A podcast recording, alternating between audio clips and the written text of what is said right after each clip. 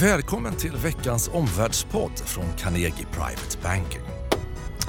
Det är torsdag förmiddag den 16 januari.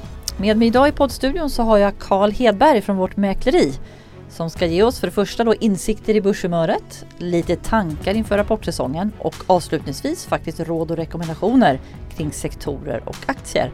Välkommen igen Carl! Tack så mycket! Jag tänkte vi skulle börja med Stockholmsbörsen. Eh, förra veckan dominerades ju nyhetsflödet av konflikten mellan USA och Iran.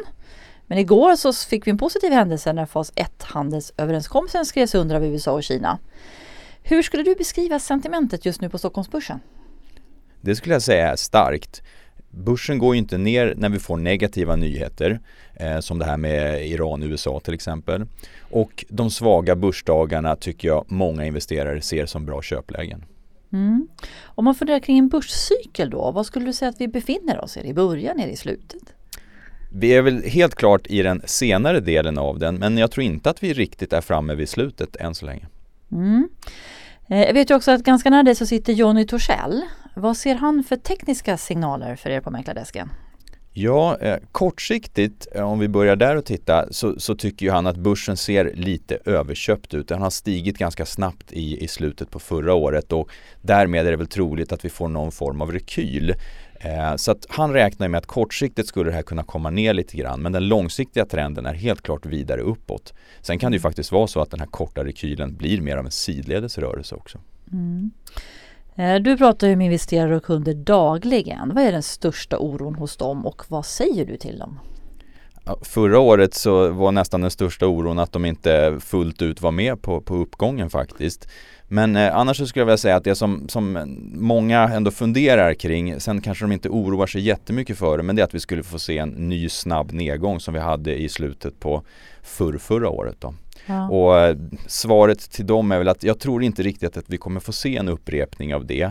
Dels då för att räntan har kommit ner på lägre nivåer och med det här är färskt minne så ser många investerare det här som bra köplägen så jag tror köparna kommer komma in mycket tidigare den här gången.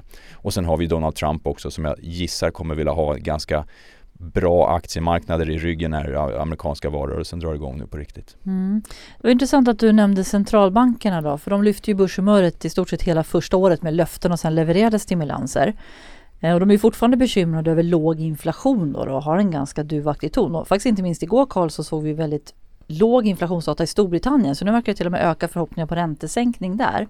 Men vad ser du för samband mellan låga räntor och aktiemarknad? Den är ju givetvis stor för att är det någonting som ska kunna skälpa den här positiva börstrenden, ja men då är det väl räntan och att den skulle börja röra sig uppåt för snabbt helt enkelt. Mm. Om man tittar några händelser framåt då, som kommer bli viktiga för dig och dina kunder lite mer i närtid, vilka är de? Först och främst så är det ju helt klart då rapporterna som kommer då, eh, Q4-rapporterna som börjar nu egentligen med, med Sandvik på tisdag i nästa vecka den 21. Mm. Så det, det, blir den första eh, att hålla utkik för då. Eh, och sen är det ju givetvis precis som det var under egentligen hela förra året. Det är ju nya utspel kring, kring tullar och handelsavtal mm. som också kommer få en påverkan på börsen. Mm.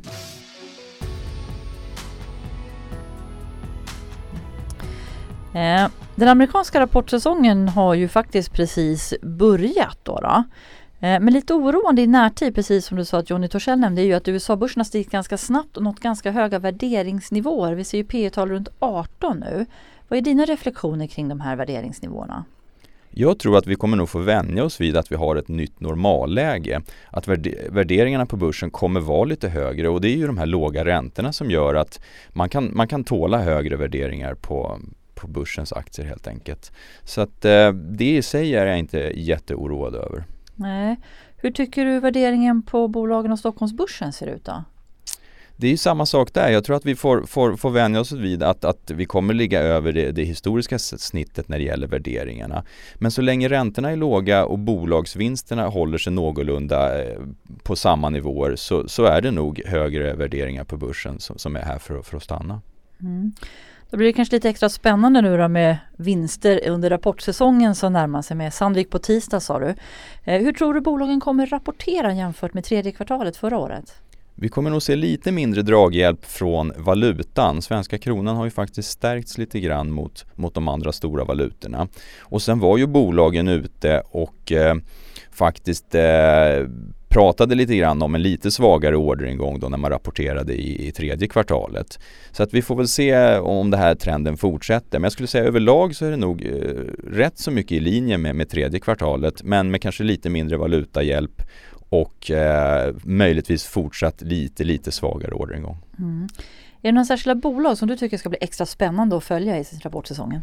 Jag tror ju framförallt att det kommer vara de här eh, industribolagen, de, de exporttunga bolagen. Det är de som har lett mycket av den här uppgången på börsen som vi hade under 2019. Så att där vill vi inte se allt för stora negativa överraskningar. Det är väl någonting som kortsiktigt skulle kunna stöka till det lite grann på börsen.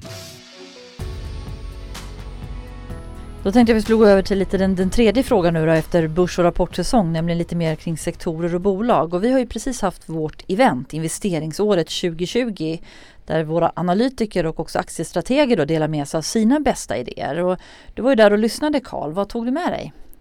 Jag tycker det var två saker som är, är riktigt intressanta då. Och, och, det är ju att om man tittar historiskt sett när vi har fått de här vändningarna i då ekonomiska indikatorer som inköpschefsindex som vi nu faktiskt har fått lite smått här under, under avslutningen av förra året så har det ju då historiskt sett alltid lett till stigande börser under en period därefter. Så att det i kombination då med den tekniska analysen som indikerar den här långsiktigt stigande börstrenden att den fortsätter. För den visar ju då faktiskt på att pengarna i marknaden går in i aktier snarare än ut. Så att både, både historiken och då faktiskt vad investerare på marknaden gör eh, talar ju för det här att vi ska se fortsatt stigande börser. Mm. Eh, vilka sektorer då, då om man investerar på Stockholmsbörsen tycker att man ska ha i sin portfölj? Jag tänker lite så här att räntorna är låga, ser inte så ljust ut för bank. Konjunkturen är inte så där jättestark men kan verkstad ändå vara spännande? Ja, jag tror det och i, i den här typen av marknad då som, som har vänt upp lite grann på nytt så är det ju helt klart industribolagen som historiskt sett har varit det som har lett de uppgångarna och det tror vi kommer fortsätta även i det här fallet. Så jag skulle säga industribolag helt klart och i viss mån kanske bank också men där blir det lite mera selektivt, kanske lite mera stockpicking. Mm. Mm-hmm. Kan du ge några exempel då på bolag inom de här sektorerna som vi gillar och som du tycker att man kan ha i en portfölj? Bland industribolagen så har vi ju tre favoriter. Eh, det är ju Epiroc, Sandvik och Volvo.